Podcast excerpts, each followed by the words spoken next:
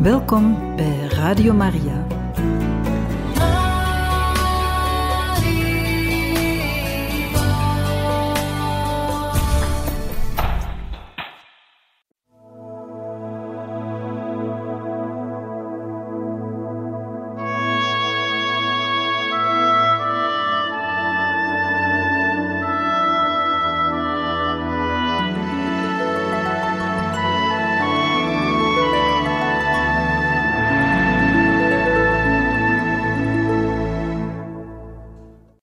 Luisteraars van Radio Maria, in dit programma Heilige Getuigen gaan we verder met de lezing van het boek over Johannes van het Kruis, met de titel Geboren uit Gods adem en geschreven door Crisogono de Jesus.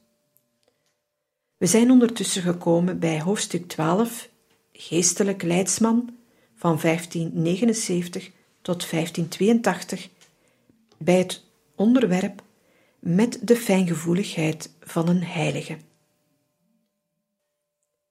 Een ander meisje was Maria de la Paz. Ze was zestien, levendig en opmerkzaam. Driemaal per week gaat ze bij Pater Juan biechten en met hem spreken over de dingen van haar ziel. Op zondag, dinsdag en vrijdag. En dat drie jaar lang heel de tijd dat haar geestelijke leidsman in Baeza blijft. Alvorens zich onder zijn leiding te plaatsen, had het meisje enkele aarzelingen gekend. De bescheidenheid van de rector van de ongeschoeide brengt haar van de wijs.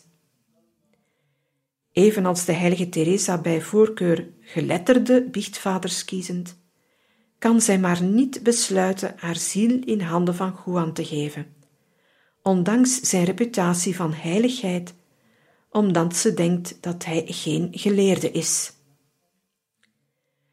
Met die indruk nadert zij, ondanks haar aarzelingen, toch een keer tot zijn biechtstoel.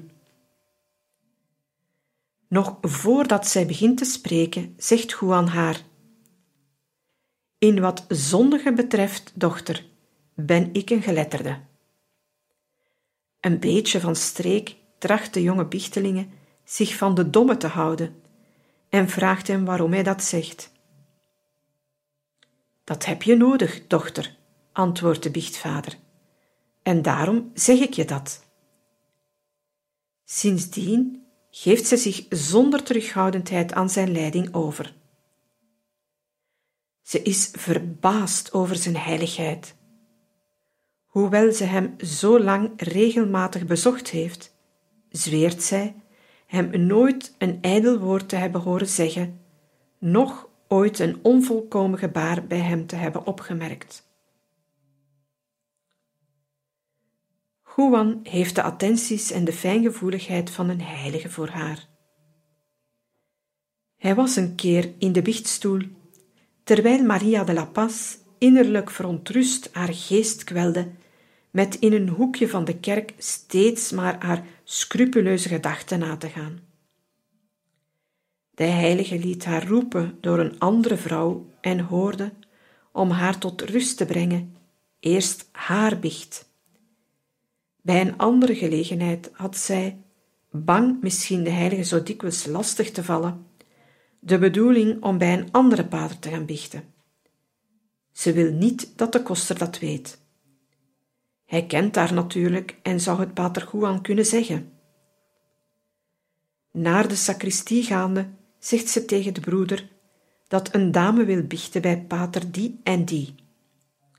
De koster gaat het de betreffende pater zeggen, maar de heilige rector roept de koster en zegt hem: Zeg die vrouw dat zij niet hoeft te biechten en dat ze naar huis moet gaan. De broeder brengt de boodschap van de rector over en Maria de la Paz gaat heen, vol bewondering dat hij zelfs zonder haar te zien haar gedachten, haar bedoeling en de gesteldheid van haar ziel kende. De jonge penitente zal over de zestig worden met een intens vroomheidsleven in de hoedanigheid en het kleed van karmelieter Beata. Justa de la Paz, een meisje van iets meer dan vijftien jaar, heeft Maria Vilches de wonderen van heiligheid en van de geestelijke leiding van de rector van de ongeschoeide horen beklemtonen. Ze kent hem niet en is nieuwsgierig de heilige te zien. Het is een van degenen die regelmatig naar de mis gaan in de Karmelietenkerk. Op een dag ziet ze een pater uit de sacristie komen die de mis gaat lezen. Afgaande op de manier waarop hij de Eucharistie viert, zegt haar hart haar dat dit Juan is, en zij vraagt het aan de vrouwen naast haar. Die bevestigen het. Het meisje voelt dan een bijzondere vreugde in haar geest, als een vreemd verlangen om haar leven te beteren in dienst van God. Bekering van ongeregelde levens. Met die leiding van uitverkoren zielen vermengen zich gevallen van bekering van ongeregelde levens. Een edelman uit Baeza, familielid van broeder Martin de la Ascension, portier en koster van het klooster, is een losbandig man. Hij komt een keer naar broeder Martin en zegt hem dat hij een vredelievende biechtvader zoekt. Hij wil zich verzoenen. De portier zegt het aan pater Juan, waarbij hij hem inlicht over het leven dat zijn verwant leidt. Juan biedt zich aan om diens biecht te horen. Hij gaat naar de biechtstoel en de man nadert. Wat heeft de rector van de ongeschoeide paters hem gezegd? Sinds die dag ziet men de man veelvuldig, zowel s'nachts als overdag, aankomen om met Juan te spreken, want hij is verrukt over zijn leer. Hij woont zelfs meditatie- en boetvaardigheidsoefeningen bij, die in het klooster worden gehouden, en besluit tenslotte radicaal van leven en klederdracht te veranderen. Hij vraagt vergunningen zijn kleding als edelman en zijn zwaard te mogen ruilen voor het bruine boetekleed. Maar Juan staat hem dat niet toe. En leven van gebed en heilige zeden, zegt zijn leidsman hem, maar zonder de kledij en de wapens af te leggen die zijn maatschappelijke positie voorschrijven. Een andere keer is het een jonge man die Domingo de Sotomayor heet. Hij woont in de kerk van de Karmelieten de Mis bij, die opgedragen wordt door Johannes van het Kruis. Als de dienst is afgelopen, vermoedt de jonge man in Pater Juan een innerlijke pracht die zijn ziel raakt. Een zeer sterke innerlijke emotie maakt zich van hem meester en hij verlaat de kerk vastbesloten om de wereld vaarwel te zeggen. Kort daarna trekt Domingo de Sotomayor het witte en zwarte kleed van de Dominicanen aan.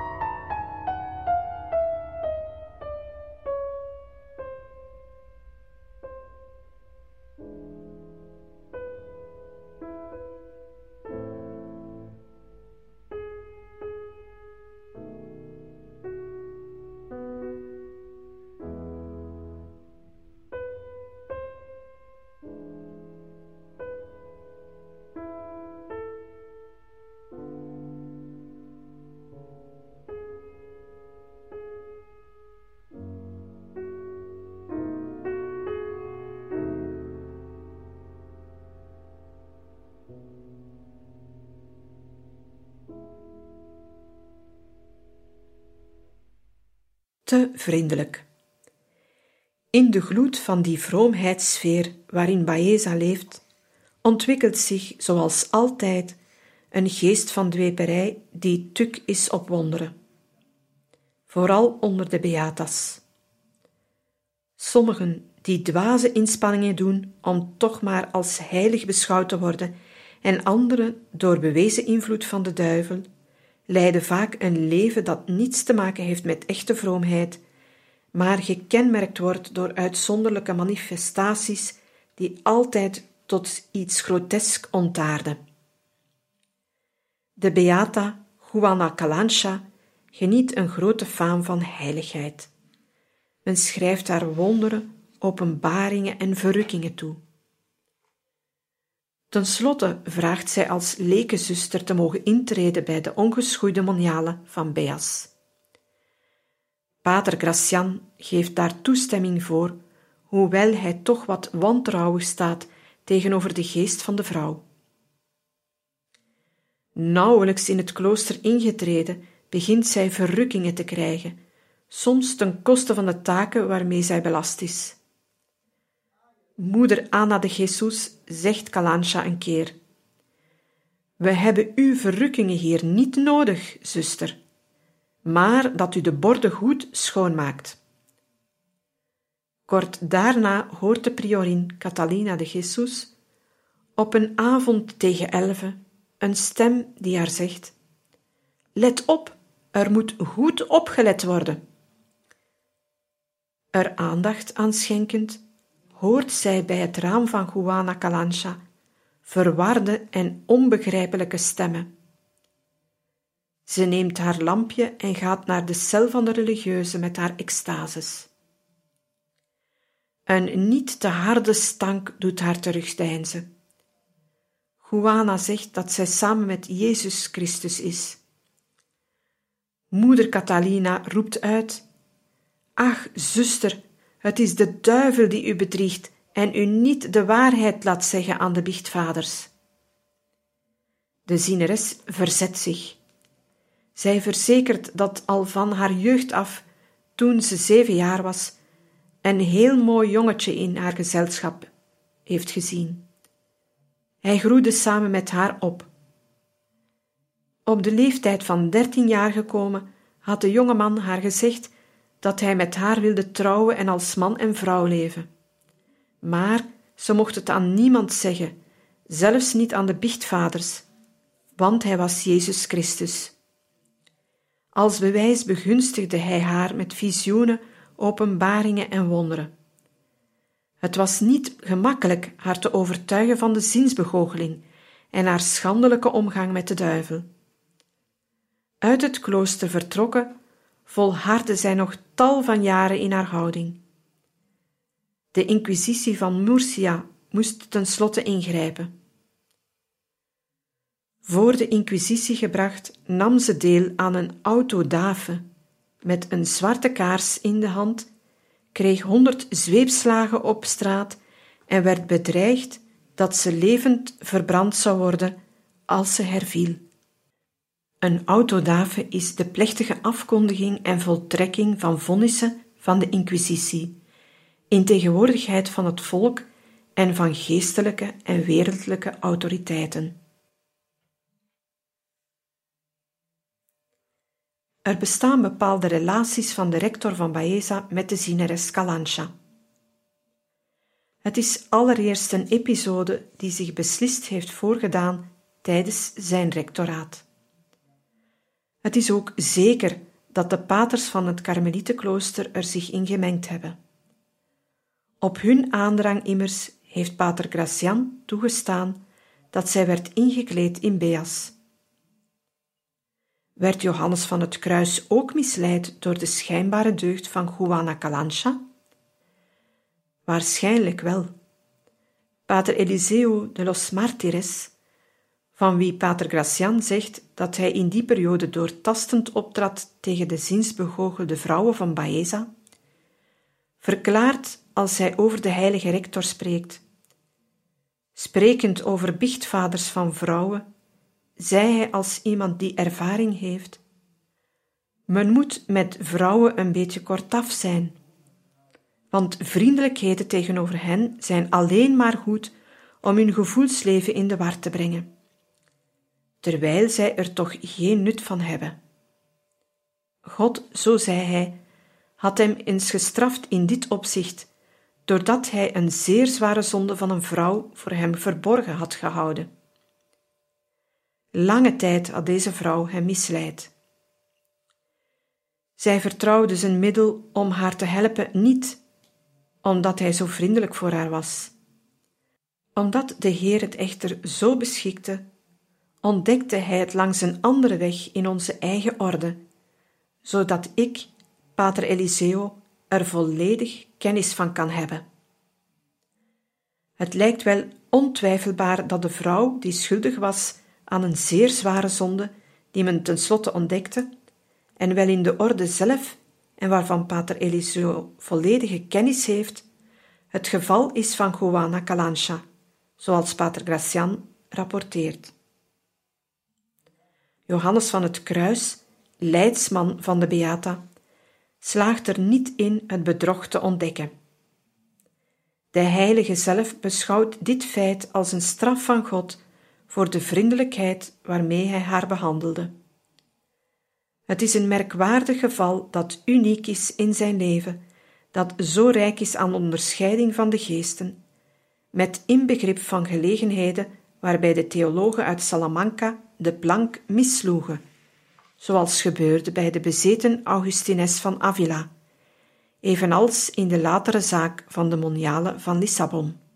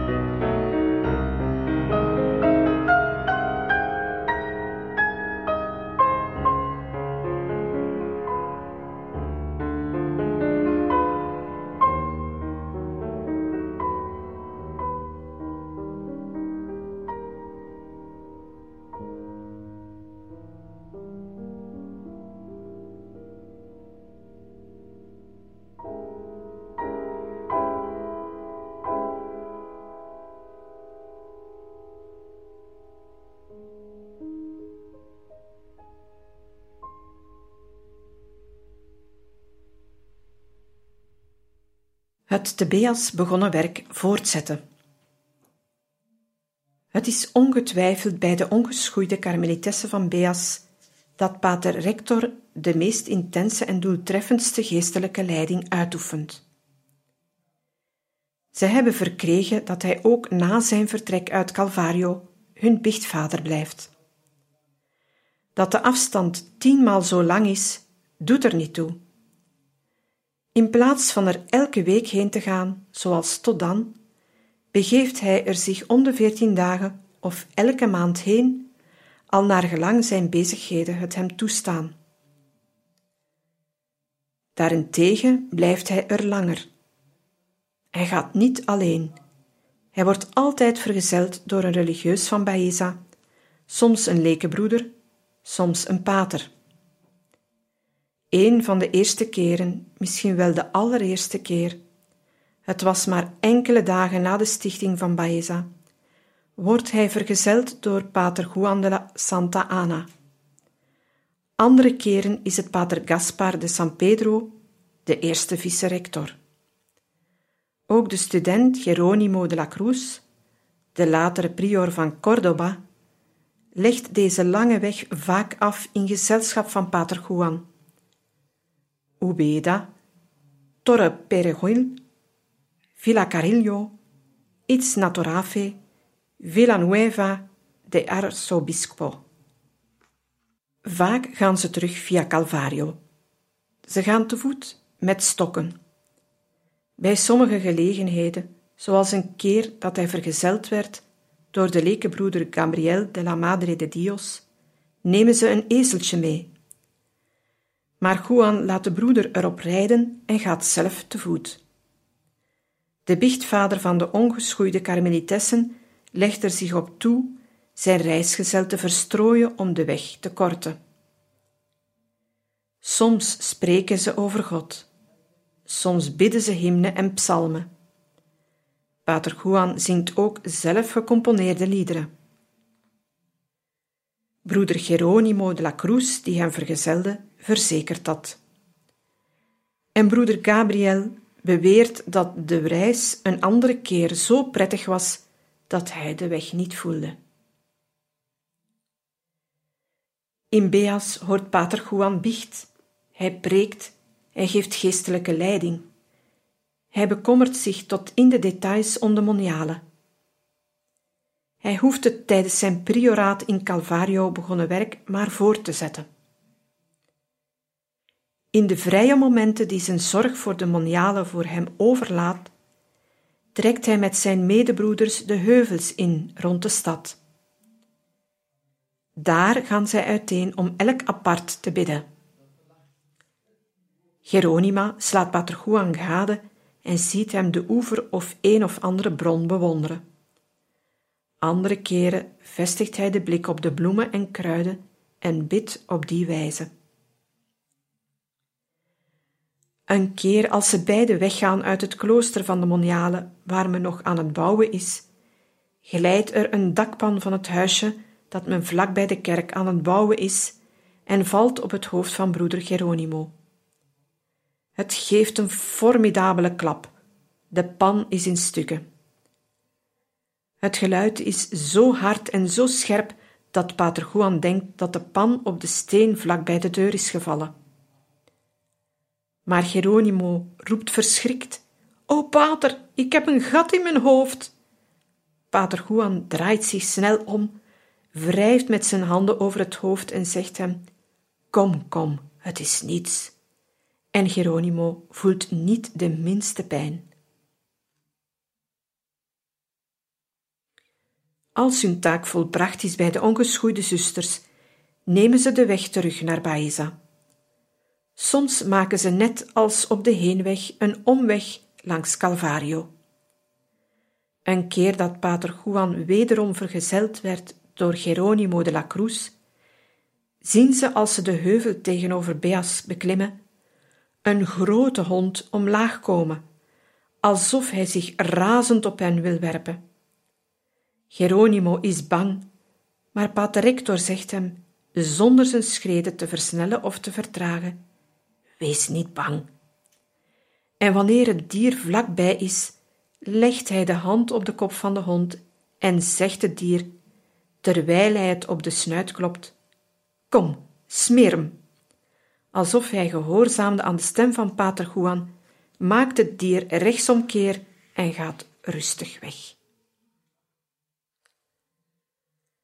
Ze blijven een paar dagen in Calvario, het verbaast niet dat Juan houdt van dat heerlijke bergland dat bespoeld wordt door de Guadalquivir.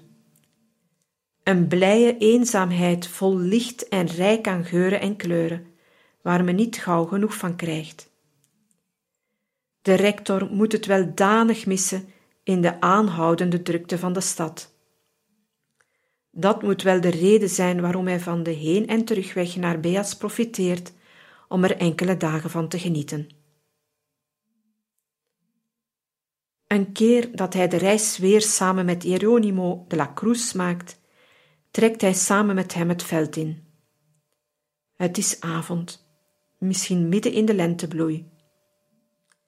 Wanneer het land met onbedwingbare kracht ontkiemt op die zuidelijke glooiingen en elk kruid in een bloem verandert.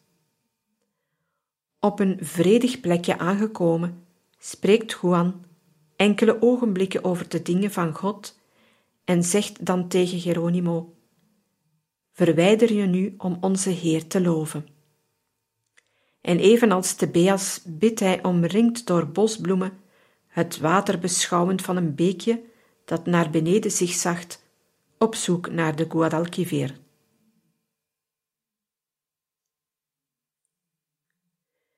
Denkt ge dat ik u uit het oog verlies? Terug in Baeza verliest hij zijn dochters in Beas niet uit het oog. Hij schrijft hun, stuurt hun geestelijke spreuken, raadt elk van hen aan wat haar past voor haar innerlijk leven. Juan noemt hen alle bij naam, van de priorin tot de kleinste lekenzuster. En hij raadt zo goed de geestelijke zorgen die elk voelt op het moment dat zij de brief krijgen, dat zij ervan overtuigd zijn dat hun biechtvader van ver af het intiemste van hun geweten ziet. Hij zal hen nooit vergeten, of hij nu Baeza verlaat en zich in Granada vestigt, of dat hij als vicaris provinciaal Andalusië doorkruist. Altijd houdt hij zijn dochters in Beas voor de geest. Wanneer hij talent met schrijven, zorgen zij ervoor hem eraan te herinneren en klagen ze dat hij hen vergeten heeft. Juan pakt dan de pen en schrijft hun hartelijk: Jezus zij in uw ziel, mijn dochters. Denkt ge dat ik u uit het oog verlies, omdat ge niet zoveel van mij hoort? Denkt ge dat ik niet blijf toezien met hoeveel gemak ge heilig kunt worden en hoe ge onder grote vreugde en veilig beschermd voortgaat te genieten van de bemindig bruidegom? Wel, ik zal naar ginds komen en ge zult zien dat ik u niet vergeten ben. We zullen dan de rijkdommen zien die je gewonnen hebt in de zuivere liefde en op de paden van het eeuwig leven, alsmede de heerlijke schreden die naar Christus leiden. Zijn bruiden vormen zijn genot en zijn kroon. Deze kroon hoeft niet over de grond te rollen, maar verdient dat engelen en serafijnen hem in handen nemen en vol eerbied en achting op het hoofd van hun Heer plaatsen. Dient God, mijn dochters, mijn beminde in Christus. Volgt zijn voetstappen van versterving in alle geduld, in volkomen stilte, vol verlangen naar lijden. Weest geeselaarsters van de voldoeningen. Versterft u, als er misschien nog iets moet sterven in u, dat de innerlijke opstanding van de geest in de weg staat. Hij mogen in uw ziel blijven. Amen. Uit Malaga, 18 november 1586. Uw dienaar, Frater Johannes van het Kruis.